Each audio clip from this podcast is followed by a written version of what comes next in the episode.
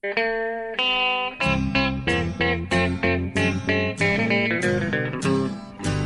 out there, we're on the air. It's hockey night tonight. Tension grows, the whistle blows, and the puck goes down the ice.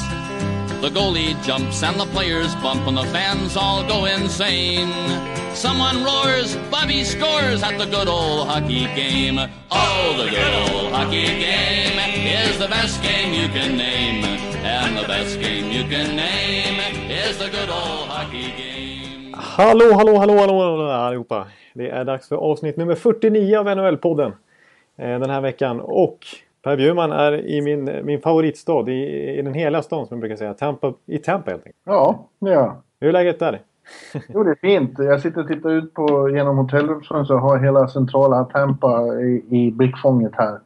Gnistrande blå himmel, 22-23 grader varmt. Eh, allmänt fantastiskt skulle jag beskriva det som. Att få vara med om i slutet av januari. Ja, jag förstår det. Du är så rutinerad och åker ner till en hela staden när, när, när du hör att det är lite eh, halvdassigt och stormigt i New York. Va?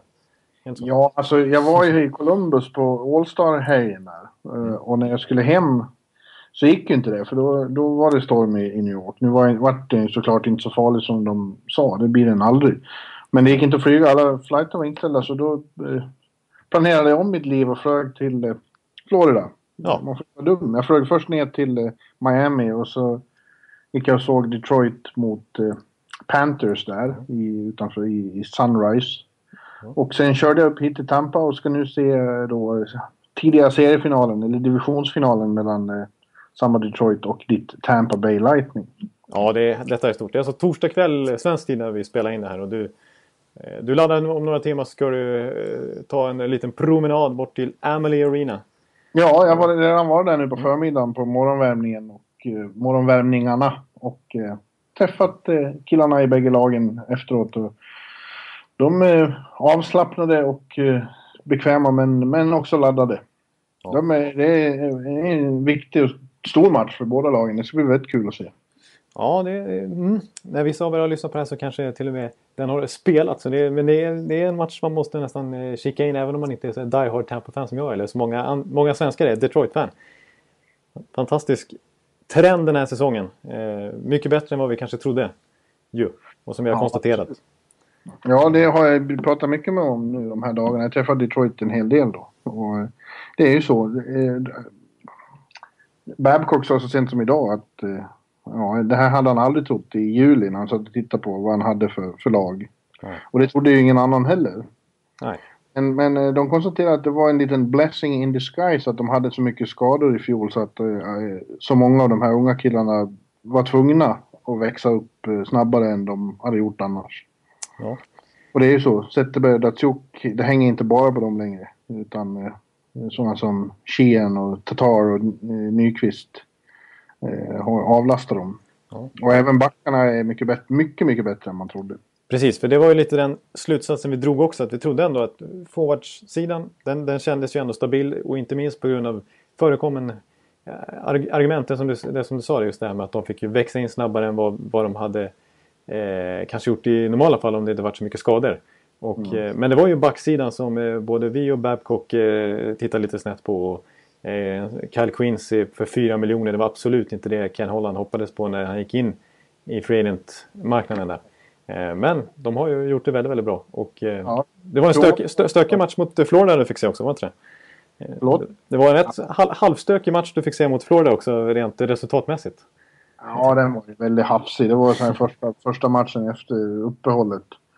Jag, inte, jag, ska komma, jag ska komma tillbaka till det, men, men, Ja. men Kronwall sa ju det idag också då att eh, just Quincy och Eddie Kaiser tycker han har tagit enorma steg framåt den här säsongen och eh, så har de den här Olett. Ja. Om- Omeletten ja, det. Ja. ja, som han också tyckte spelar otroligt mycket mognare än vad, han, vad hans ålder och rutin motiverar. Ja, Fantastiskt bra att du kallar för omelett. För varken du eller jag har någon som helst möjlighet att uttala hans förnamn eller efternamn. Ungefär lika svårt. Ja. Eh, Ja, nej, eh, men då, eh, det är lite konstigt det där. Alltså, de har haft en knapp veckas uppehåll, men det påverkar alla spelare. De, de tappar timing och skridskoåkning och, och, och, och feeling ja. på, på så kort tid. Och det, det har allihop sagt också. Det kändes som när de kom tillbaka efter ledigheten så kändes det som de hade satt på sig någon annans utrustning. Och då håller de ändå igång och går på gym och så fast de nu är i Mexiko och Karibien och överallt vad de är. Ja. Eh, så det, det tar ett tag att komma igång. Ja, det är, det är uppenbart och det, det kan som du säger, det kan tyckas eh, som en, en veckas avbrott bara. Men de, är ju, de här killarna är ju vana att spela i princip back-to-back nästan. Ja. Och har gjort så i flera månader i rad nu så att Ja. minsta lilla Ja, det- paus märks. Ja, det märks. Men dessbättre så tar det inte lika lång tid att komma in i det som, som eh, efter sommarledigheten. Nu, nu känns det som de är tillbaka i, i gängorna igen. Ja, det är, en match räcker. Sen, sen är, sen är Så hade Detroit ingen som var på det här fantastiska spektaklet i Columbus heller. Nej, nej, det hade de inte. De andra lagen hade spelat där. Och jag var där och det var, jag hade glömt hur... Eh, alltså, jag mindes ju att All-Star-matchen inte är mycket att se, men jag hade glömt exakt hur bedrövligt tråkig och meningslös den kan vara.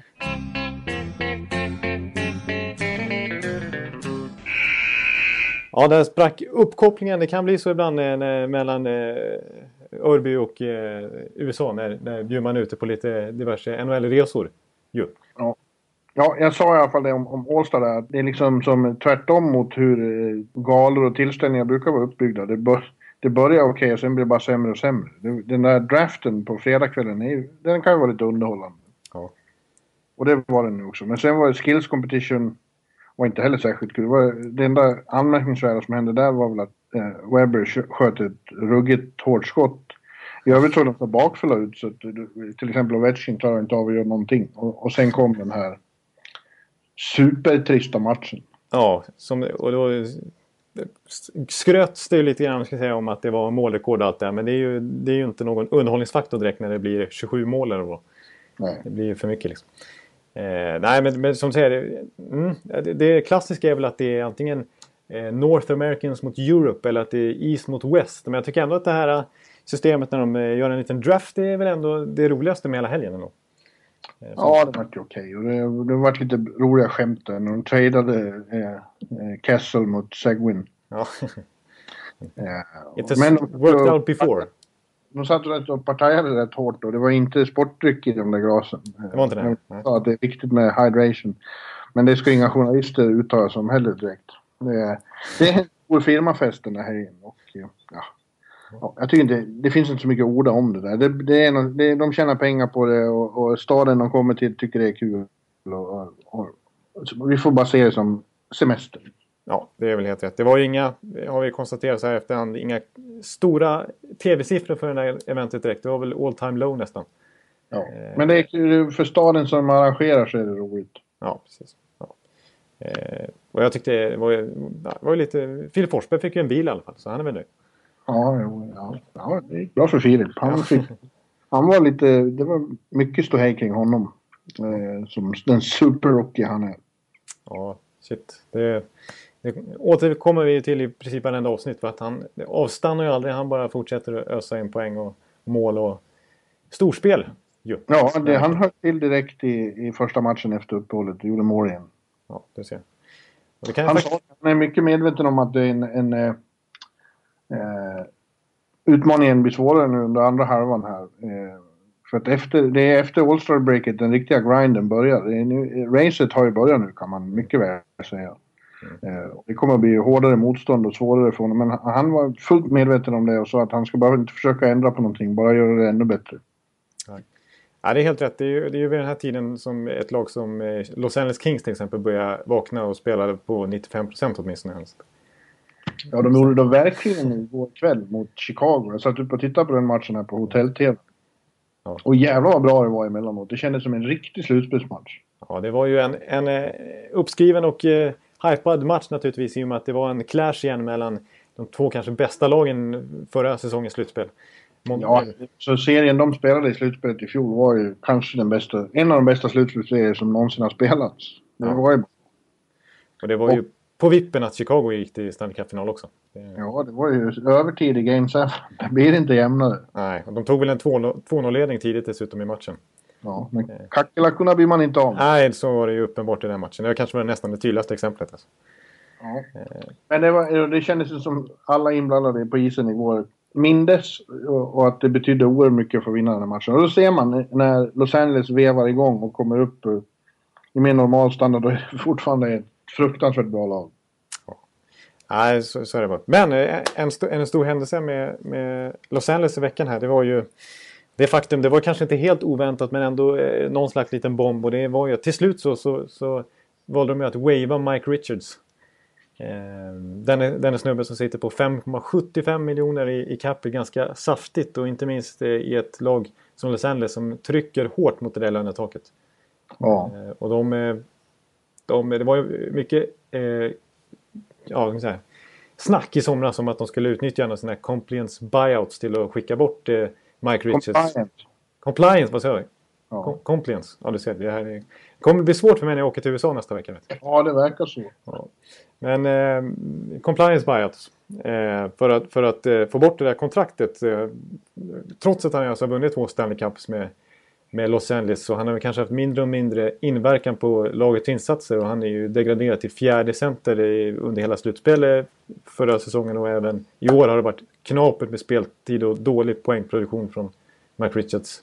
Eh, Så nu var de tvungna helt enkelt att skicka ner till AHL. Och det, ja, vad säger du om det? Ja, det är lite förnedrande såklart för honom. Han är ju i många år varit en av ligans stora profiler på både ena och andra sättet. Och, och som sagt, han har varit med och vunnit, eh, hjälpt Los Angeles att vinna två titlar. Han är ett stort namn och han har den här lönen. Mm. Eh, så det, det känns ju väldigt brutalt eh, faktiskt. Och, eh, men det är ju beviset för att det, det, i denna lönetaksera så går ju ingen säker. Alltså. Nej, nej. Eh, levererar man inte, klarar man inte kutten då, då, eh, då går det åt skogen. Det har vi sett fler exempel på men kanske inte... Man man ska komma ihåg att Mike Richards är för fan bara 29 år. Ja. Han borde vara i primen av sin eh, karriär. Ja. En Precis. sån som Danny Heatley är ju lite äldre men, men för honom är det kört. Det hör man ju bara alla säga. Han kan inte åka skridskor längre. Det går för långsamt och då finns det, det finns ingen chans att han får platser. Nej, och det, det är lite märkligt tycker jag. För när, när han, liksom Jeff Carter, slog igenom i Philadelphia och var deras, nu kommer ordet, one-two punch. Ja. Eh, 2008-2009 ungefär. Eh, då, var ju, då, då var ju ändå Mike Richards lite mer första center. Det kändes som att det var han som var deras franchise-spelare i, i allra högsta grad. Liksom. Eh, och att han kanske höll, höll sig snäppet före Jeff Carter. De är ju i princip lika gamla. Va? De, jag tror båda är 85 er eh, och, eh, men, och, Medan Jeff Carter är verkligen i sin prime och levererar i allra högsta grad och var ju väldigt, väldigt, väldigt nyttig i slutspelet, inte minst förra säsongen och gör en bra grundserie i år också. Så, Ja. så är ju Mike Richards känns det som en eh, 36-37-åring som helt har stannat av. Ja, precis.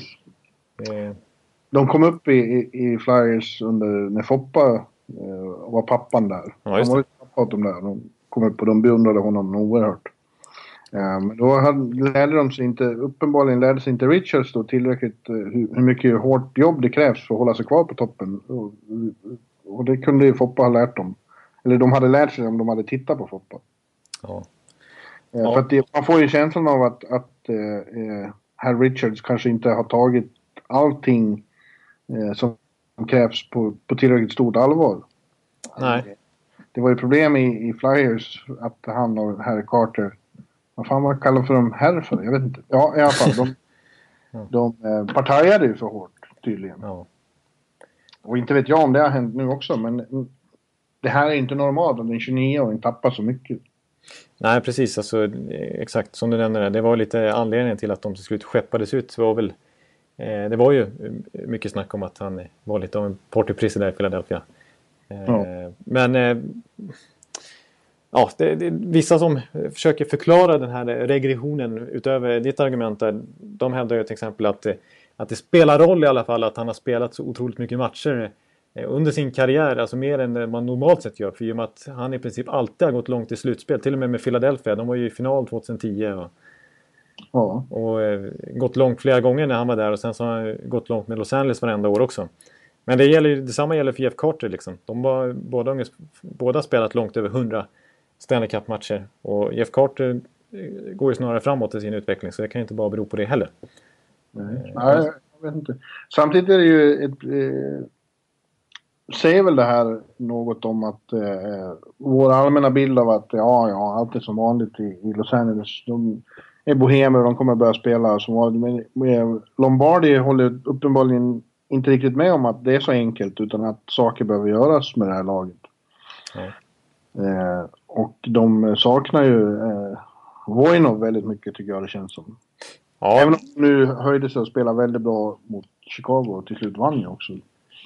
Precis. Ehm, nej, de, det är klart att det var en, en, en smäll för deras... eh, Nu får ju Voinen i allra högsta grad eh, skylla sig själv och det är ju inget snack om att han ska stängas av och han kommer förmodligen inte spela något mer i, i ligan. Men det är klart, Nej. det var en duktig hockeyspelare och tillförde väldigt mycket till deras backuppsättning.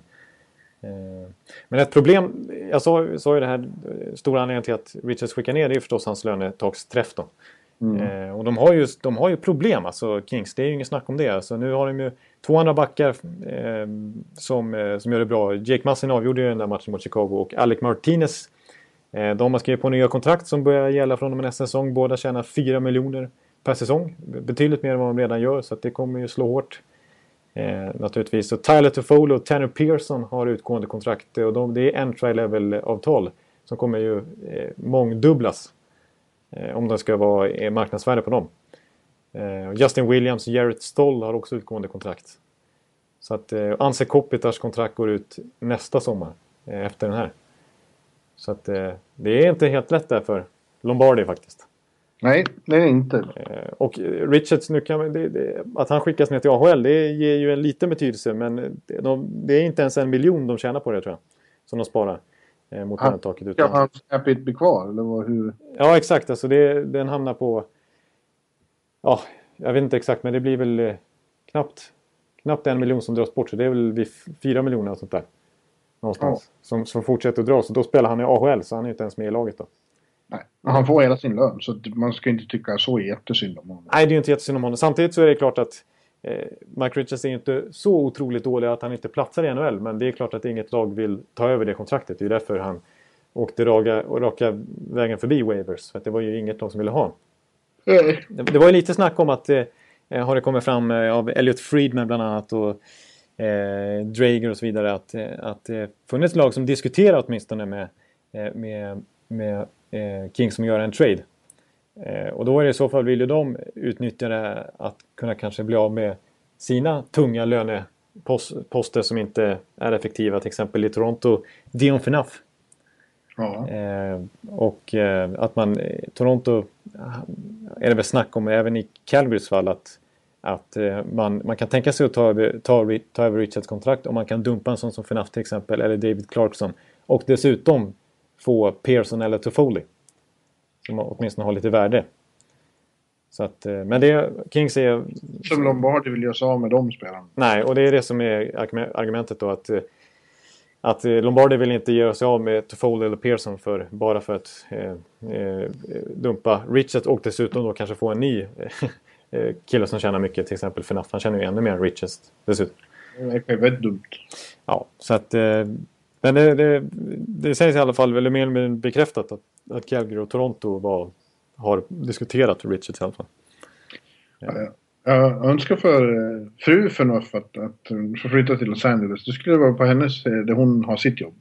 Elisha Cuthbert. Ja, just det, just det, just det. Ja. Ja, det skulle för vara en... eh, Ja, Fnaf skulle nog inte ha några problem med att, att lämna pressen i Toronto till att få spela ett Stanley Cup-vinnande maskin.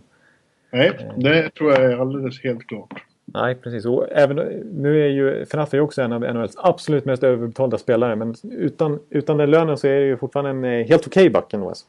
Väl, eller? Nej. Fast Asch. ingenting som, ingenting som eh, Los Angeles behöver. Nej, ingenting som de vill ha. Nej, så är det bara.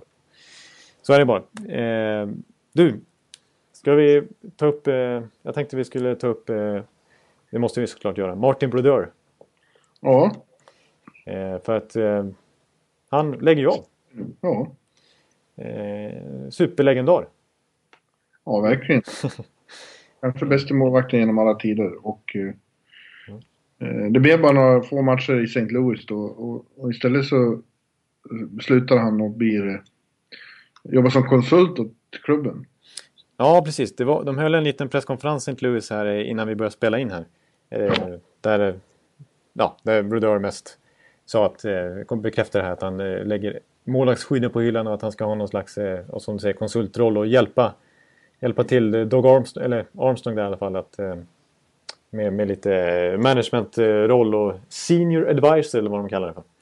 Ja. Eh, och att han är...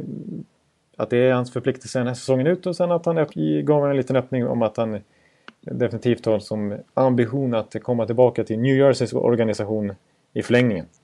ja, fast det, fanns, det finns inga förpliktelser underströk han också. Nej. Inga självklara förpliktelser.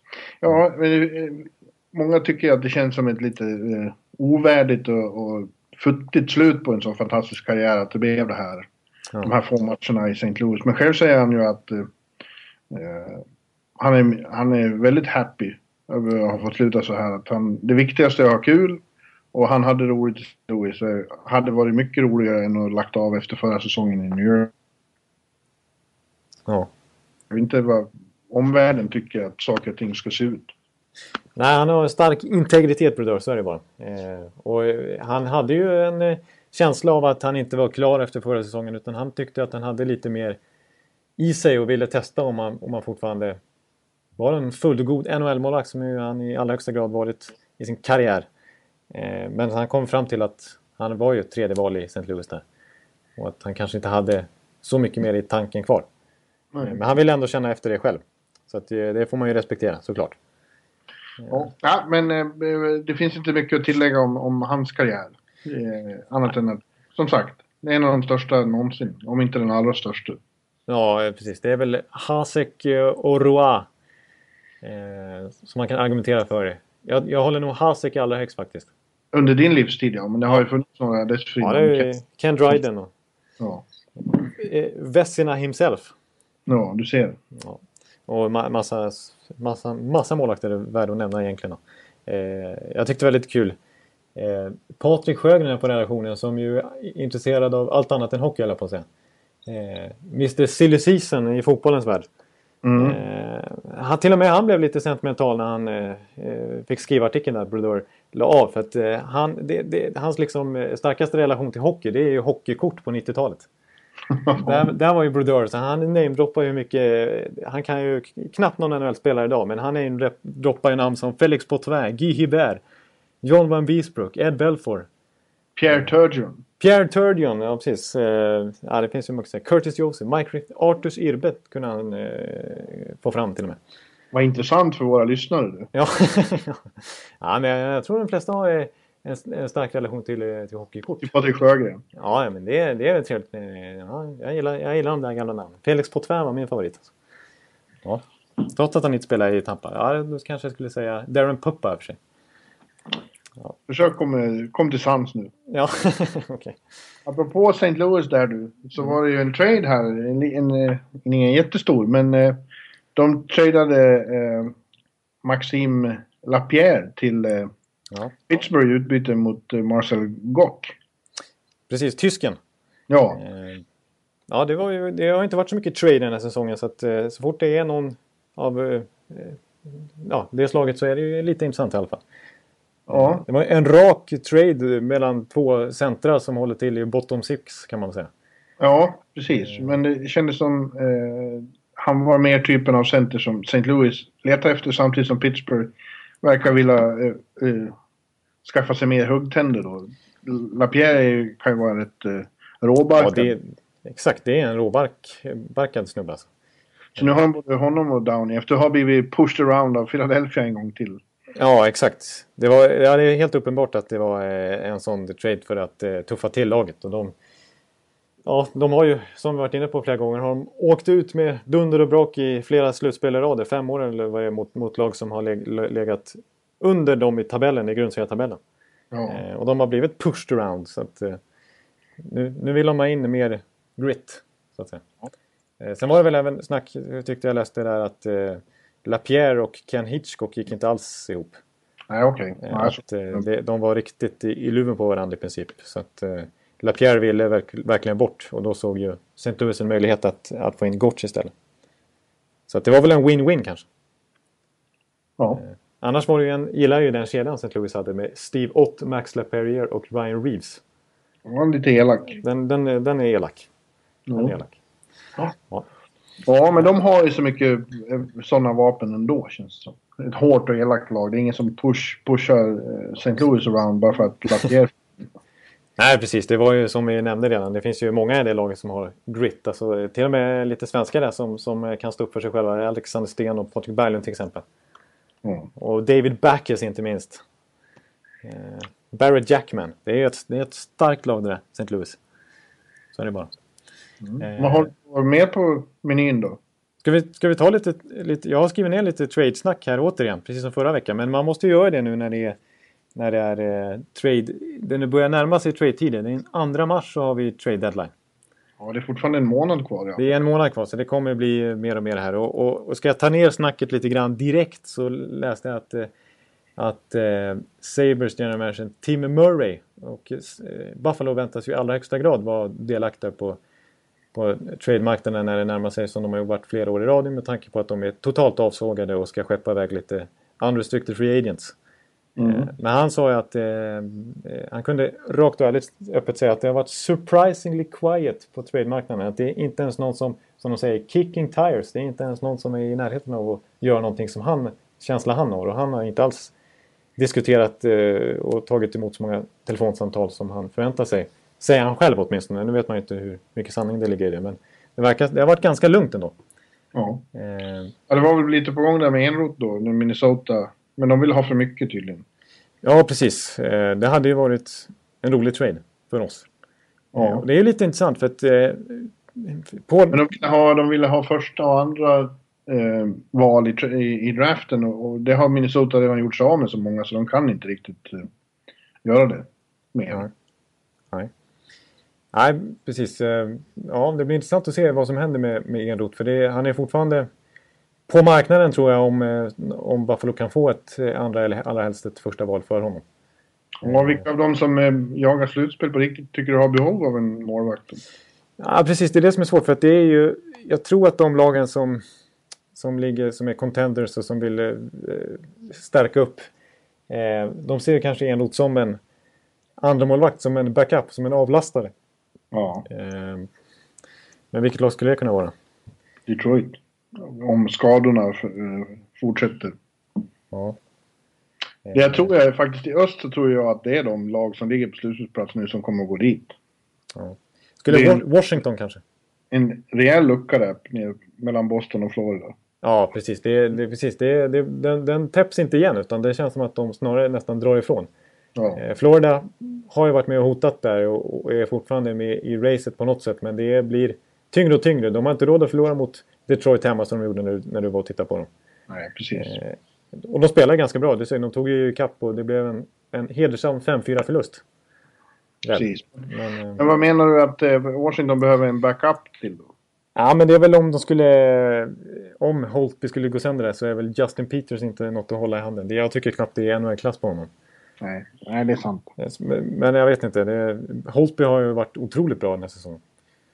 Ja, det har han verkligen. Eh, jag måste ta fram tabellen här för att se.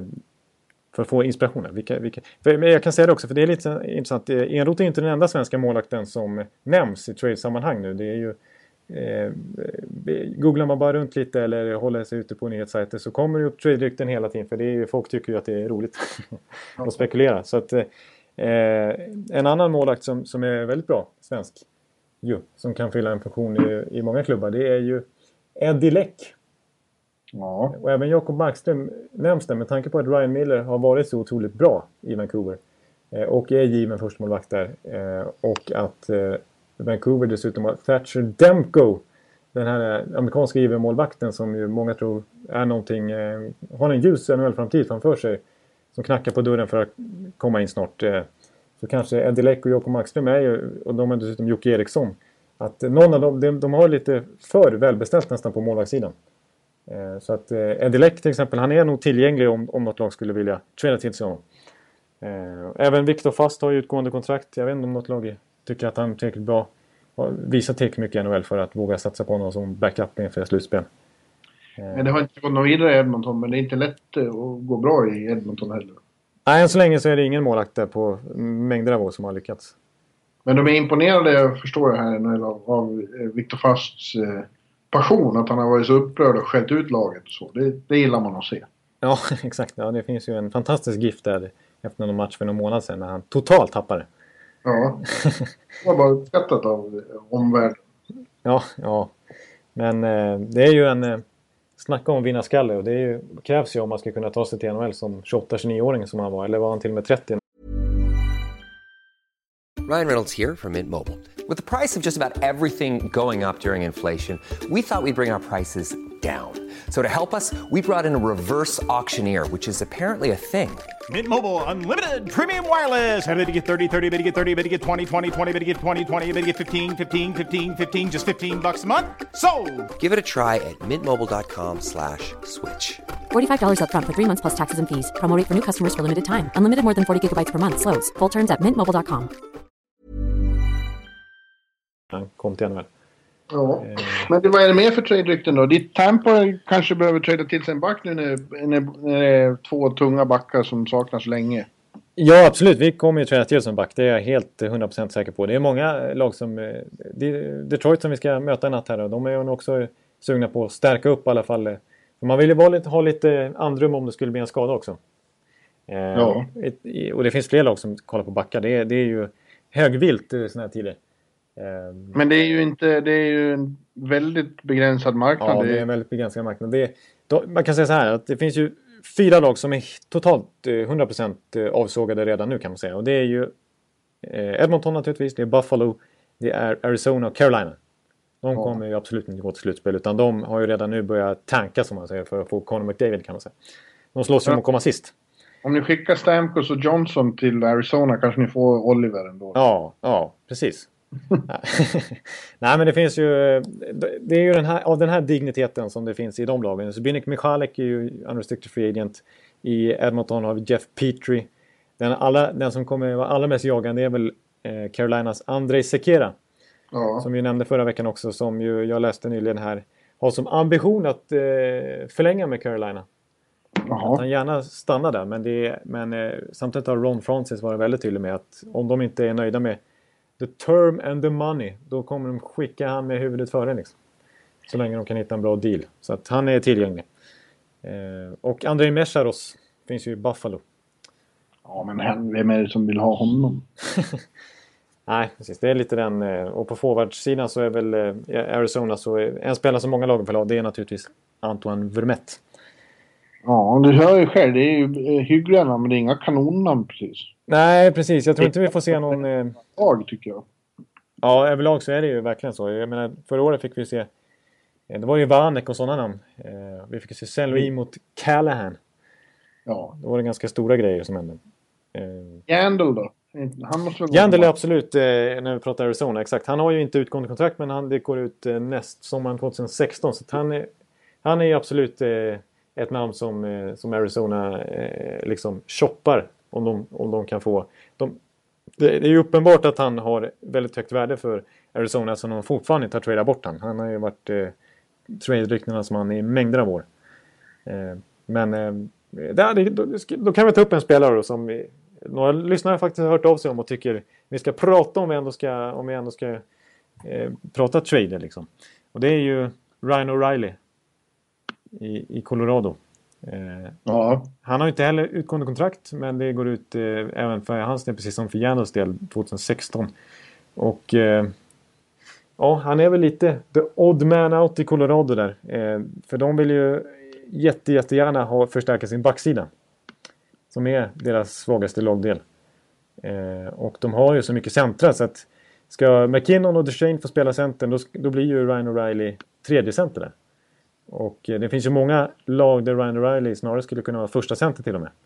Eh, och han har vi ju sett i mängder av förhandlingar, eller mängder, alltså de förhandlingar han haft med Colorado tidigare har ju varit väldigt komplicerade och han har blivit väldigt upprörd. Och han är ju inte eh, sams med klubbledningen där. Han ju- gillar ju Patrick Roy men, eh, men klubbledningen har inte så mycket till övers för. Så det, var, det har ju varit mycket snack om att O'Reilly eh, är, ett, är en spelare som Colorado kan tänka sig att släppa om de får en riktigt bra back. Eh, och det har varit snack om att man ska göra en swap helt enkelt. Eh, mellan Arizona och Colorado. Keith Yandel mot Ryan O'Reilly. Jag förstår. Eh, Men O'Reilly har inte han också då rykte om att vara en krånglig figur att ha att göra med? Jo, han har verkligen det. Och framförallt hans, eh, det som för med sig honom när han skickas iväg, det är ju hans pappa också som är hans agent. Ja. Som ju är ännu krångligare. Eh, så att eh, det är väl det, det, är väl det som, som ställde till det lite grann för O'Reilly. Eh, plus att han har väldigt höga lönekrav så han kommer ju, han kommer ju vilja ha en så här 7, 8, 9 miljoner kanske när hans kontrakt går ut. Så att, Ja. Good luck. Good luck! ja, det har varit lite spekulationer till exempel. Alltså, Vancouver är ute efter en center. Eh, De har ju ändå en lit... Även om Nick Bonino har gjort det helt okej så är de inte riktigt nöjda med han som andra center. eh, Att fylla luckan efter Ryan Kessler. De har ju ingen one-two punch där längre. eh, Med Sedin. Så att det har ju varit snack om dels Antoine Vermette. Och dels Ryan O'Reilly faktiskt. Men eh, ska, ska de lyckas tröja till sig O'Reilly då säger ju i princip alla att då, då är det ju tack och hej för Alexander Edler. Då kommer, han, då kommer Colorado kräva honom i utbyte. Och det verkar inte Vancouver vara så sugna på. Nej, det tror jag inte. Eh, för att då, fyller, då skapas helt plötsligt eh, ett annat hål för Vancouver. Precis. De har ju redan skepp- skeppat, skeppat iväg en back som eh, Jason Garrison till exempel förra sommaren. Så att, eh, det är... Ja, nej. Eh, och Toronto har ju varit... Eh, precis. Alla, alla lag i, i princip som nämns med Ryan O'Reilly, då krävs det att de har en, en riktigt bra back som de kan tänka sig att släppa. Eh, det, har varit, det har varit snack om Buffalo och Tyler Myers också. Till exempel. Men det är ingen av de som ligger på slutspelsplats kommer ju att vilja ge sig av med en bra back. Nej, verkligen inte. För backar har högre värde än vad forwards har. Så är det bara. Ja, det är färre av dem. Det är färre av dem. Det är svårare att hitta. Det är svårare att fostra en back också. Det tar längre tid för en back att slå sig in i NHL än vad det är för en forward Ja. normalt sett. Ju. Precis. Eh, fråga Adam Larsson och Victor Hedman till exempel i svenska fallet. Eller, det, Erik Karlsson behövde någon säsong på sig sen så blommade han ut på allvar. Ja, nu är han eh, het igen. Ja, verkligen. Alltså. Erik, Eric Kay alltså. Ja. Ottawa är också ett sånt där intressant lag som... Eh, ju, det finns ju flera lag där som man inte vet om de kommer vara buyers eller sellers. För att de har fortfarande en teoretisk chans att gå för slutspelet men eh, om man inom en månad här så kan det vara kört. Då, Ja, precis. då kanske det är läge att, att skeppa bort lite spelare. Ja. Eh, Rangers behöver lite olika eh, beståndsdelar. De skulle behöva en till back. Men då är det en sjätte back de är ute efter. Precis, men då kanske det skulle funka med en sån som Michalek kanske. Ja. Och de behöver någon, eh, nog en winger i, i för fjärde kedjan också för att få mer... Det ska bli mer grit. Ja, precis. Det finns ju ett antal eh, sådana på marknaden. I, I de här lägre lagen har vi ju Chris Stewart till exempel. Vi har eh, Jamie Clement. Vi har det, I Toronto snackas ju om att de kommer att vara sellers ändå. Där har vi ju Daniel Winnick som har varit eh, bra den här säsongen. Eller Mike Santorelli. Så att, Ja. eh, är man ute efter lite bottom six-spelare så, så finns det ändå ganska hyfsade namn att hämta i de här eh, lagen som är avsågade. Så att, jag tror Rangers kan nog eh, hitta lite, göra lite fynd. Eh, när det är den typen av hål man vill fylla. Ja, men jag tror att det är precis så. Ja. De behöver lära sig. De har ju några... De har ju väldigt svårt för både Tampa och framförallt eh, Islanders. Vilket ju svider i Rangers. De åkte på tredje, tredje raka här nu mot, eh, mot lillebror från Long Island. Ja, det är intressant att, eh, att Islanders har dominerat Rangers totalt den här säsongen. Ja, det har de. Eh, Det är ett väldigt bra lag som känns som att de, de trycker på alldeles hundraprocentigt när de möter just Rangers. Och så är det ju. De avskyr Rangers. Ja, exakt. För, men det, känns som att, för det är nog lite det där lillebrors storebrorskomplexet som hänger i också. Alltså Rangers känner väl ändå att de är storebror. Eh, fortfarande. Medan Islanders slår lite underifrån men ju har ett minst lika bra lag just nu. Spelar minst lika bra. Så att eh, inte bättre. Och då, Bättre lag. Det som är intressant, det var många som pratade om det faktiskt i Columbus, i journalistleden där. Att, eh, eh, det var- de är fortfarande underskattade. Man ska titta på, vad är det alla lag som har gått hela vägen och vunnit har haft? Jo, de har haft fyra, ked, fyra riktigt bra kedjor som man rullar på med olika roller. Och det är exakt vad Islanders har nu. ja. De har en väldigt bra fjärde kedja också. ja, absolut. Vad är det? Det är ju Cizikas och det är den här eh, tuffe, tuffe snubben som har varit med i så många år. Klatterback. Klatterback är ju där också. Han som fick en fine för filmning alldeles nyligen. Ja. Vad heter han? Mike? Eh, Jag det här är namnet. Jag tappar helt. Han har ju ett vanligt namn. Är det. Matt Martin vi pratar om? Matt Martin, ja just det. Matt Martin. Ja. Eh, nej men eh, och, nej, de, är, de är breda och, då, och ja, de har ju i, i, i praktiken har de gjort mest mål i hela, hela NHL.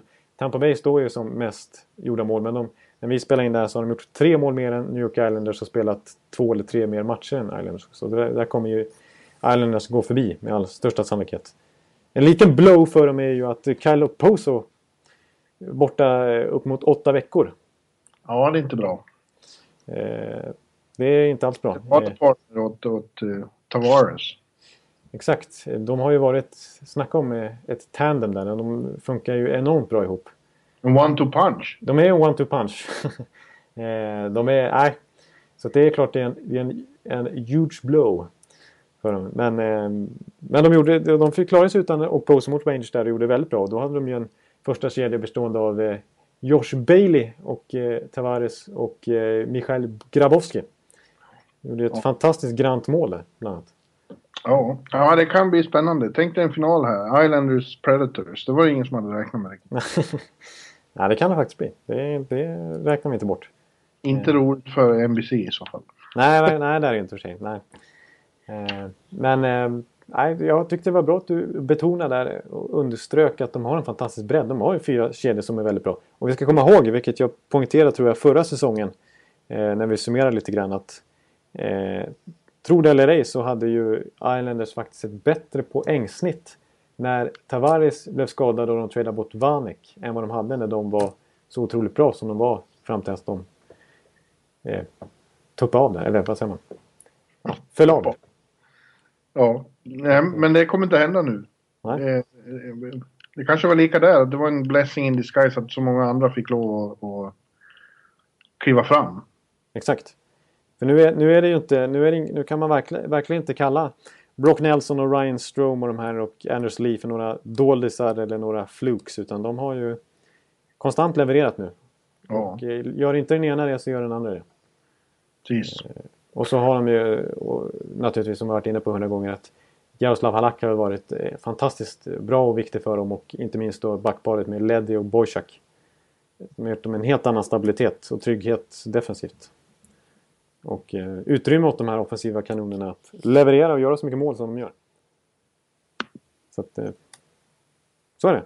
Ja, Ja. Du, eh, har du med... Ja, vet, vet, vet du vad jag bara vill konstatera? nej, hur ska jag veta? Nej, det kan du inte veta. Nej. Som jag såg flasha förbi på Twitter här.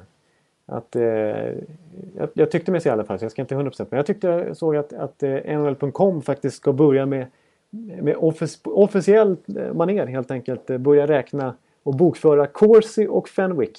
Jaha. Och advanced statistik, det kommer numera hittas på NHL.com i framtiden. Och det, det är ganska snart, inom en månad tror jag att de ska eh, ratta igång. Så det ska vara fullt klart och fungerande inför slutspelet. Ja, Va, kul för dig. Ja, vad säger du själv? I, i, eh, I Columbus så pratades det mycket om, de testade ju ny teknik där med, med sådana små chip i både puck och i spelarnas tröjor.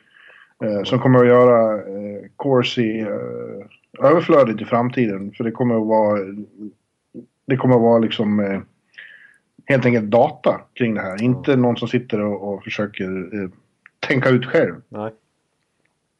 Nej. Eh, och räkna på hur mycket de har spelat och hur mycket de har... Det kommer att vara exakta siffror på hur mycket de eh, har haft pucken och hur mycket tid de har varit på isen och så. Eh, Ja. eh, det blir intressant. Det känns ju som science fiction. Ja, det gör det. Men det känns jag är ju en statistiknörd så det, gillar ju, det är ju goda, goda nyheter för mig. Högsta grad. Jag tycker- Jo, det är bra. Det är såklart bra om man, kom, om man kompletterar det. Man kan inte bara stirra Nej. på det. Eh, är vad jag säger. Det säger du och det har du helt och hållet en poäng i. Så det jag tycker är rätt.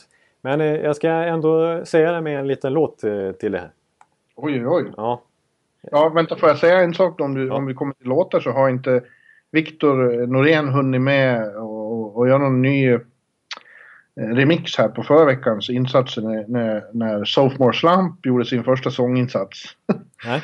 Men han har utlovat, eh, och nu är det så att Viktor har ju då annat att göra än att sitta och, och, leka med, med, med våra amatörinsatser här. Men han lovade, nu jävlar stod det i ett mejl jag fick. Det gjorde det alltså? Ja. underbart. För du, du, du, är- helt plötsligt så, så, så lossnade det för dig förra veckan. Ja, precis. Men nu ska du eh, prova på igen då. Han sa att det, det kommer till eh, eh, avsnitt 50 som ett jubileum. Ja. Du, eh, jag, jag, säger, jag säger så här då. Får du se vad du säger sen. Yes. Eh, mm. Corsi hit, Fenwick dit. Vad är det för skit? Bjurman blir helt galen på sånt. Men Ekeliv är naiv och lite alternativ. Som tycker den där skiten är bra. Jo, för. Den ger ju dynamik, ahaha. Som färggrann mosaika. Som herr Noréns musiken helt fantastisk. Statistik, Corsi hit, Fenwick dik. Det är ju underbar skit. Lägg ner nu Bjurre. Ge det en chans. Inget trams, inget flams. Ge oss mera balans. Corsi och Fenwick är en one-two punch. Är du klar? Ja, nu är jag klar. Ja, ja. ja jag vet inte vad jag ska säga. Det, det stämmer ju inte. Jag Nej, har exakt. sagt att det är ren skit. Jag har sagt att det måste kompletteras bara. ja. Ja. Sånginsatsen är ju såklart... eh, Ja, jag blir inte generad här. Men det är ju... får du vara själv egentligen. Ja. ja, ja. ja. Det var, det var, ingen, eh, ingen 5 plus text den här gången kanske. Du har hybris, eller hur? Ja, jag har hybris. Det är det man råkar ut för. Ja, när man, eh, ja exakt. Ja. Ja. Nej du. Ska vi ta och ranka, älskar jag helt enkelt. Vi, vi har ju, vi rankar de bästa finländarna och i förra veckan så rankade vi de bästa tjeckerna. Mm. Och eh, ska vi dra de bästa ryssarna nu? Ja, du har gjort en sån lista för att jag tänkte att nästa vecka återkommer jag med, eftersom de nu har bestämt att det blir eh, det här World Cup-upplägget då med ett eh, Team Europe, Team Övriga Europe. Mm. Så nästa vecka kommer jag med- med de eh, bästa då av slovakerna, schweizarna, norrmän och danskar och allt vad det är. Ja. Österrikare och tyskar. Det, Ja. det blir ju, det ser jag verkligen fram emot. Det blir intressant. Ja, men det blir intressant med dina ryssar här också. Låt höra. Ja, precis. Eh, Jag kan ju nämna, jag ställde frågan rakt ut på Twitter också. En, eh, folk fick sätta sin topp 5 så jag kan dra dem lite senare vad ni har tyckt och tänkt på Twitter. Många, eh, ett antal lyssnare i alla fall. Men jag kör min första då. Mm. Då börjar jag med nummer 10. Artem Anisimov Mm. faktiskt. Eh, Columbus. Som har varit väldigt skadebenägen den här säsongen men som fick ett eh, lite bredare genombrott i fjol eh, när han var väldigt bra för dem tycker jag. Gjorde Ja, upp mot 40 poäng. Rangers var en eh, dynamisk forward. Exakt, han, han är inte bara en typiskt eh, offensivt skicklig ryss utan han har eh, defensiva egenskaper också. Så retade han upp Tampa en gång. Det tyckte jag var kul. Usch ja, usch ja, usch ja. ja. Ja, bilden av Tampa som ett lite fånigt lag befästes hos mig. Det Ja. har alltid klaga på allting. Ja, ja, ja. Det där, det där lämnar jag där här. Ja. Mm. Jag tycker han är lite lik eh, Kulemin kan man säga i spelstilen. Ja, coolen. Kulemin, ja, så jag visste inte riktigt vem jag skulle välja. Den. Eh, på, mm, på nionde plats, då sätter jag Alexej Jemelin. Mm. Eh, ganska hår, hårdför, stabil. Eh, lite ja, eh, smooth skating back i Montreal där. Eh, som ju kan vara lite, han, han har anklagats för att filma och han kan göra lite eh, övertramp tacklingsmässigt så här. Men det är ju en, i grund och botten en väldigt bra back i deras stabila backuppsättning där i Montreal. Ja, och det finns inte så jättemycket bra ryska backar nu för tiden, eller hur? Nej, det, de börjar bli lite gamla nu. De här eh, Goncha till exempel, så, som, som jag inte har med på listan. Nej, backar har aldrig riktigt varit eh, Rysslands eh, främsta. Nej, de har bara haft sådana som Fetis och Kansatonov och, och... Ja, nej, det är ingenting. Nej, det är ingenting. Nej. Men eh, eh, på åttonde plats. Så eh, ja, då får jag väl ta eh, Varlamov då. Mm, ja, absolut. Eh, ja, kanske, kanske skulle vara ännu högre på listan, jag vet inte. Men eh, han är väl... Ja, nej, han gör en ganska okej säsong när, eh, året också. Han var ju ändå Vessina-nominerad i fjol så att han kanske ska vara högre. Men eh, ja, ja. Ja, han skulle nästan ha varit eh, eh, Hart Trophy-nominerad om man ser till vad det verkligen står för. Att man är most valuable för sitt lag. ja. Eh, för det finns ju nästan ingen som var viktig. Han, han bar ju Colorado in i slutspelet. ja. Ja. Ja, nej, han, ska, han, kan, han kanske ska åka upp några pinnhålar på min lista. Ja, men nu, nu är han Nu, där. nu, nu hamnar han där. Så, att, eh, ja, på, så då, då blir det sjunde plats då. Då tar jag eh, en back i alla fall som ju också börjar bli lite till åren men som gör det fortfarande väldigt bra. Det är ju Andrei Markov. Ja. ja, det är en riktig, en, en riktig murbräcka i Montreal. Eh, exakt. Stabil. Bra i alla avseenden i spelet faktiskt. Väldigt Mycket skadebenägen också de senaste åren. Men, Ja, lite. men nu ser det ut att vara okej. Ja, precis. Det har varit lite bättre nu senaste tiden. Då, men det var väl... För några år sedan var han ju väldigt, väldigt skadebenägen. Ja. Eh, då blir det på sjätte plats. Eh, då kommer han, Tampa Bay. Nikita Kucherov. Mm. Som du var väldigt besviken på i början av säsongen, eller hur? Ja, det, ja jag, men jag var lite besviken på honom. Han hade ju en ganska eh, dålig trend poängmässigt, men han spelade inte så bra heller tyckte jag. Han, han, eh, det är ju lite av en humörspelare sådär. Eh, Men han är perfekt ihop med Johnson och Palat. Ja, precis. För det, det, de har ju inte han spelat alls mycket med tidigare. Utan eh, den, den ordinarie kedjan var ju Johnson Palat och Richard Panik. De blev wavades och skickades upp till Toronto till slut. Eh, och så fick Kutjov chansen där istället. Och har ju varit snacka om genombrott den här säsongen. Han har ju över 40 poäng och mängder av mål. Och är ju livsfarlig. Och eh, framförallt mot eh, Rangers har han varit en riktig Rangers-dödare. Och Johnson, som Babcock sa idag på, efter morgonvärmningen, han har väl 200 plus eller något. Ja, han, eh, Johnson och Kutjerov tror jag ligger ett och två där med Filip Forsberg också i eh, plus minus-ligan. Ja. De har ju mängder av plus. Och Palatti menar också. Men Kutjerov... Det var ändå eh, smakligt av det. Taktfullt att inte ha Kucherov som etta då, bara för... Nej. Ja, lite rim och reson får det vara. Eh, på femte plats, ja du ser jag, jag rankar inte målvakter eh, så högt som de kanske borde i det här fallet. Eh, så jag tar Bobrovski på femte plats. Ja, ja väldigt bra. Han, Undrar vad det blir skala.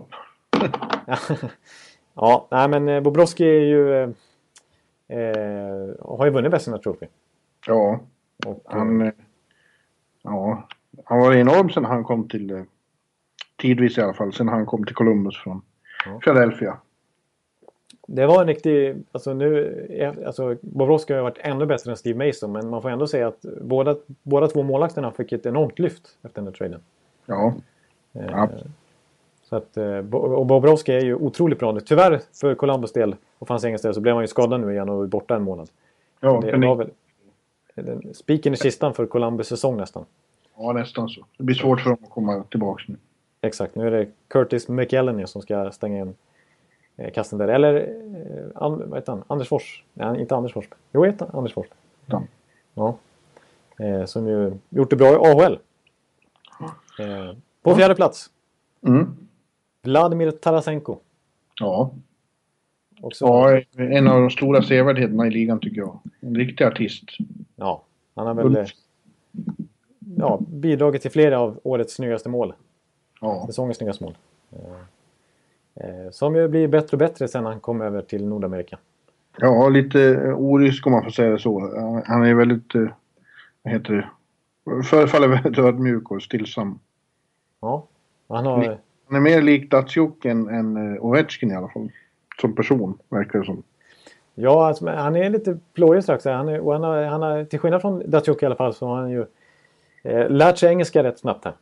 Ja. Och vå- vågar ju prata för sig själv och är lite är bara, bara en, en, blyg för, för att han tycker att han inte pratar tillräckligt bra. Ja. Rädd för att ge bort sig. Ja, men han hade en lite roligt klipp på NHL.com såg jag här i, i samband med All Star-helgen när han och bästa polaren Kevin Shattenkirk eh, sprang runt där och eh, busade. Han ja, men Mm. jag säger att Datsjuk kan också engelska. Ja, just det. Exakt. Ja, förlåt. Ja, precis. Nej, han, han vågar inte göra bort sig när, när, när media kommer fram där. Eh, så är det. Precis. Nej, Datsjuk han kan precis. Han, för många medspelare hävdar ju bestämt att det där är en fantastiskt rolig filur som är grymt rolig att tugga med. Ja. Så att Datsjuk, det är bara att han vill inte... Han, vill inte, han, blir, han blir stum när du kliver fram till honom. Du vet, han vågar inte. ja, precis. Så är det bara. Eh, på tredje plats Pavel Datsjuk. Ja, där kom han. Ja, egentligen tycker jag på ett sätt vis är han min största favorit av alla eftersom han Ja. är världens mest eh, oförutsägbara hockeyspelare. Ja. när han är på humör och gör bra så han gör saker som ingen annan kan göra. Nej. Nej, nej, nej precis. Och då, då, som du sa där också. Det är lite som Tarasenko. De har en, en klubbteknik som, som, som väldigt, väldigt, väldigt få behärskar. Alltså det är utöver det mänskliga nästan. Ja. Eh, och de, de kan, alltså inte med Dasyuk, alltså han kan ju hitta passningar som inte finns. Liksom. Han har verkligen ögon i nacken. ja. Och är ju en, eh, alltså en fantastiskt eh, skicklig defensiv forward och sådär också. Eh, Han måste ju ha 300 plus i sin karriär också. Precis. Ja, Eh, ja fantastiskt bra. Och eh, en, en klassisk one-two punch med Zetterberg har varit genom många år här. Ja, precis. Det är väl kanske lite därför han inte hamnar ett eller två på min lista. Dels för att han har varit eh, mycket skadad. Och som har hämmat honom lite från att kliva högt upp i poängligorna där man syns och hörs.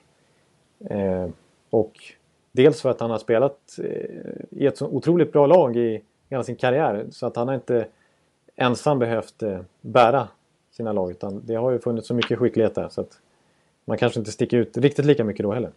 Nej. Eh, han har ju vunnit betydligt mer än min tvåa på listan här.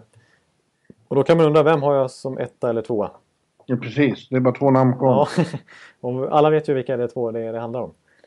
Eh, så då är frågan då vem man, vem, vem man tycker är etta och vem man tycker är tvåa. Och jag, jag väljer ju att sätta som tvåa Alexander Ovechkin. Mhm. Eh, som ju leder NHLs skytteliga nu. Han gjorde ju två mål här om natten och gick förbi där faktiskt. Han har ju verkligen kommit igång och, och puttrat förbi hela gänget. Stamkos och Seguin och Nash. Ja. Och nu leder han ju. Så att nu håller Teppan ju han, han igen truten på alla belackare som det finns. Han är väldigt bra den här säsongen. Eh, och eh, ja, det är ju Malkin som är etta då. Han är ju Ja. så kanske, eller kanske, han är mer komplett spelare på, har fler dimensioner i sitt spel. Men, men jag tycker nog att Ovechkin är så bra som han är nu och har eh, köpt Barry Trotz system. Eh, så är, eh, alltså, vem ska stoppa honom? Ja, ja, ja alltså... ehm, ja, ja, ja. Ja, ja, ska, ska jag börja med att eh, motivera eh, Malkin som etta? ja. Varför jag håller honom lite före? Det är väl för att... Ja, det är, alltså det, Ovechkin är också ett, ett fysiskt monster och så här. Och det men det är Malkin också. Jag tycker ändå att han har... Att han har ännu lite mer spel i så att han är ännu lite mer komplett. Och, eh, jag tycker ändå att han har det här som Ovechkin har också. Det här, den här enorma genombrottsförmågan och den här ånglokskänslan när han driver in i zonen. Och jag tycker på samma sätt som Ovechkin så kan han verkligen dominera en match totalt. Eh, jag tycker att... Eh, nej, jag, jag, jag håller Malkin väldigt, väldigt högt. Och båda de här två spelarna har en enormt hög högsta nivå. Eh, sen har de lite diffande liksom, eh, eh spel mellan varven. Eh, Och kanske Ovechkin diffar ännu mer. Precis, det är väl det som, är, det är väl det som gör att jag kanske håller Malkin före. För att Ovechkin eh, kan ha eh, ganska många off nights under en säsong. Men så kan han ha väldigt många hattrick-kvällar också. Ja, men han har, har inte så många sådana eh, dippar. Alltså det har hänt något här med trots och eh, han jobbar hem och han har plus i plus minus statistiken och han eh, eh, lite på nytt för det. Och så har han fortfarande vad han har som eh, nästan bäst av alla med sitt förbannade skott. Alltså. Ja, precis. Det är ju intressant med Ovechkin att han har... Eh, det är som Bäckström har sagt, att han förbrukar ju så här 450 klubbor på en, en säsong, minst. Typ. Ja. Alltså han, han har ju flera klubbor under samma match och de har olika styvhet beroende på vilken situation i matchen det är. Om det är powerplay så kör han ju en stenhård klubba som han dunkar på sina slagskott med. Och är det 5 mot 5 då åker han ju runt med en superlätt klubba så han ska få mycket svikt. Och så att han kan eh, dra ifrån eh, snabba handledsskott i trängda lägen och så. här. Eh, så att eh, ja, det är ju en, en speciell typ eh, Ovechkin. Alltså det, ja, det är klart, han, det är som du säger, han är, när han är på humör och när han är som bäst, när han har sina kvällar, då är han ju ostoppbar. Eh, Ja, det var såg igen när de nollade Pittsburgh här i, i och igår blir det när de sprang där. Då, gör han ett sånt där mål i powerplay när alla vet vad som ska hända. Han står på samma plats och han matar sina skott. Det går inte att stoppa i alla fall. Nej, det, är det, det är det som är konstigt och det tycker jag är lite skillnaden mot Stamkos till exempel. För Stamkos har ju samma roll i powerplay. Alla vet att Ovechkin och Stamkos står där vid den vänstra teknikcirkeln och är högerfattade och kommer bomba på med sin styva klubba Ja. Eh, men eh, Stamkos har ju, han har inte gjort ett powerplay. Nu kan jag vara något undantag, men jag tror inte han har gjort ett powerplay-mål på så här 30-35 matcher. Eh, och de har ju testat att sätta han i, i, liksom i mitten och de har flyttat han på andra kanten för att liksom få, få igång Stamkos igen. Eftersom han är, han är så lättläst i powerplay nu. Eh, men Ovechkin han står ju lika fullt där på sin vänsterkant och bara bombar in mål efter mål. Ja, det går inte att stoppa. Hur mycket man än läser det så... Och så har han ju väldigt bra... Bäckström är en playmaker som är väldigt svår att stoppa också. Ja, ja precis. Exakt. Ja, exakt. Och det saknar kanske Stamkos nu lite grann i och med att inte Saint Louis serverar han de där smörpassningarna på samma sätt. Precis. Misstag, misstag. Ja, ja. Vi, led, vi ligger ändå bra till i, i tabellen. Här. Ja. Det har ju Ni fler spelare som kliver fram. Inte Stanley Cup. Nej, det har vi inte. Eh, oh ja. Nej, vi, vi, vi får, jag, jag kan ju säga lite förslag vi fick från eh, lyssnare. Eh, det, är, för det, det här är också väldigt eh, tudelat. Då. Eh, det är många här. Tobias Pettersson och Johan Gärtner. De har båda Malkin före Ovechkin. Eh, Malkin då, ja, Fredrik Finnebrå tar också Malkin först. Datsjuk två, sen Obi och Tarasenko Bobrovski. Gabriel Augustsson, också Malkin, etta här. Eh, Kristoffer Stålhammar skriver att eh, Ovi kanske inte är den som är bäst. När han är på, men när han är på humör så är han den absolut roligaste hockeyspelaren att titta på. Ja, det håller jag helt med om. Ja. Vi har eh, Andreas här som har Datsjuk som etta. Är det någon som har nämnt något namn som inte var med på din lista överhuvudtaget? Eh, Det är en som här som har eh, Marco med på topp 5 i alla fall. Ja, men inget namn som inte var med alls. Eh, nej, det är väl Alexander von Sivers som körde lite... Han körde en all time-lista istället. Han körde Larionov, Datsjuk, Pavel Buremo, Gilny och Subov. Ja. Eh, vi har eh, kille som kallar sig för Hallbäck här som har eh, Ovi som etta. Max Strömberg Melin också Ovi som etta. Eh, mm. Det är alla möjliga förslag. Gemensamt här är väl att eh, Tommy Enroth har också Malkin som etta. Det är de flesta har ändå Malkin. Björn Wäring lika så. Eh, det är många förslag. Yes. Eh, här är någon, någon som också eh, körde på här. Eh, någon som nämner Vladimir Malachov, Oleg Tverdovsky, Darius Kasparaitis. Ja. Ja. Ja. ja. Du, Ekelind, nu ska jag ta min pre-game nap här också som spelarna inför Detroit-Tampa. ja, jag förstår det. Det behövs. Eh, Ja. Det där kommer jag kanske få eh, erfara på plats om en vecka. Hur, hur rutinerna går till på en matchdag. Precis. Ja, men eh, vi ses där och alla lyssnare. Ni får hålla till godo. Nästa vecka så är det podd nummer 50 och det kommer vara One to Punch-fest och inte minst då Sophomore Slump-fest. Kanske i allra högsta grad. Ja, nu får vi, vi måste ju bara avsluta. Du kan inte hoppa över din, dina siffror. Tänk, jag höll på att göra det faktiskt.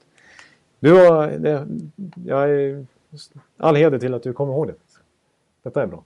Men eh, okej, nummer 49 är ju kämpigt det också va? Ja. Men eh, jag tror vi har en vinnare faktiskt. För det är bara fem stycken i NHL den här säsongen som har spelat någon match med nummer 49. Och den som har gjort det överlägset flest gånger det är Carolinas Viktor Rask. Ja. ja, men då kan han få den medaljen då. Precis. eh, I övrigt har vi Scott Lawton i Philadelphia, Michel Bourneval i Montreal, André Nestrasil Detroit och Julien Brulua i Winnipeg.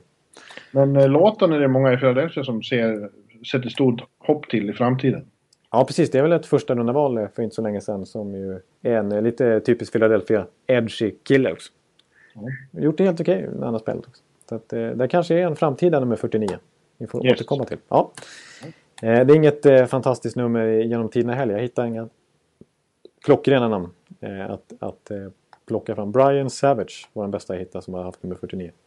Se om det finns några nästa vecka då. Nummer 50, ja precis. Det blir intressant att se. Jag vet ju en direkt så här på uppstuds. Det är Jonas Gustafsson. Ja. Monstret. Ja. Fina Månset. Du, nu går jag och lägger mig. Ja, jag förstår det. Det, det ska du få göra. Eh, så så gott. Så hörs vi mer eller mindre live nästa vecka. Direkt Precis. från USA, båda två. Detta är enormt. Ja. Ja. Ha det så gött tills vidare allihopa så, så hörs vi då. Hej! Hej!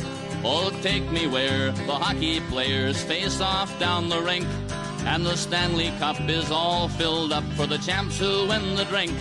Now the final flick of a hockey stick and a one gigantic scream. The puck is in, the home team wins the good old hockey game. Oh, the good old hockey game is the best game you can name. And the best game you can name is the good old hockey game. Oh, the good old hockey game.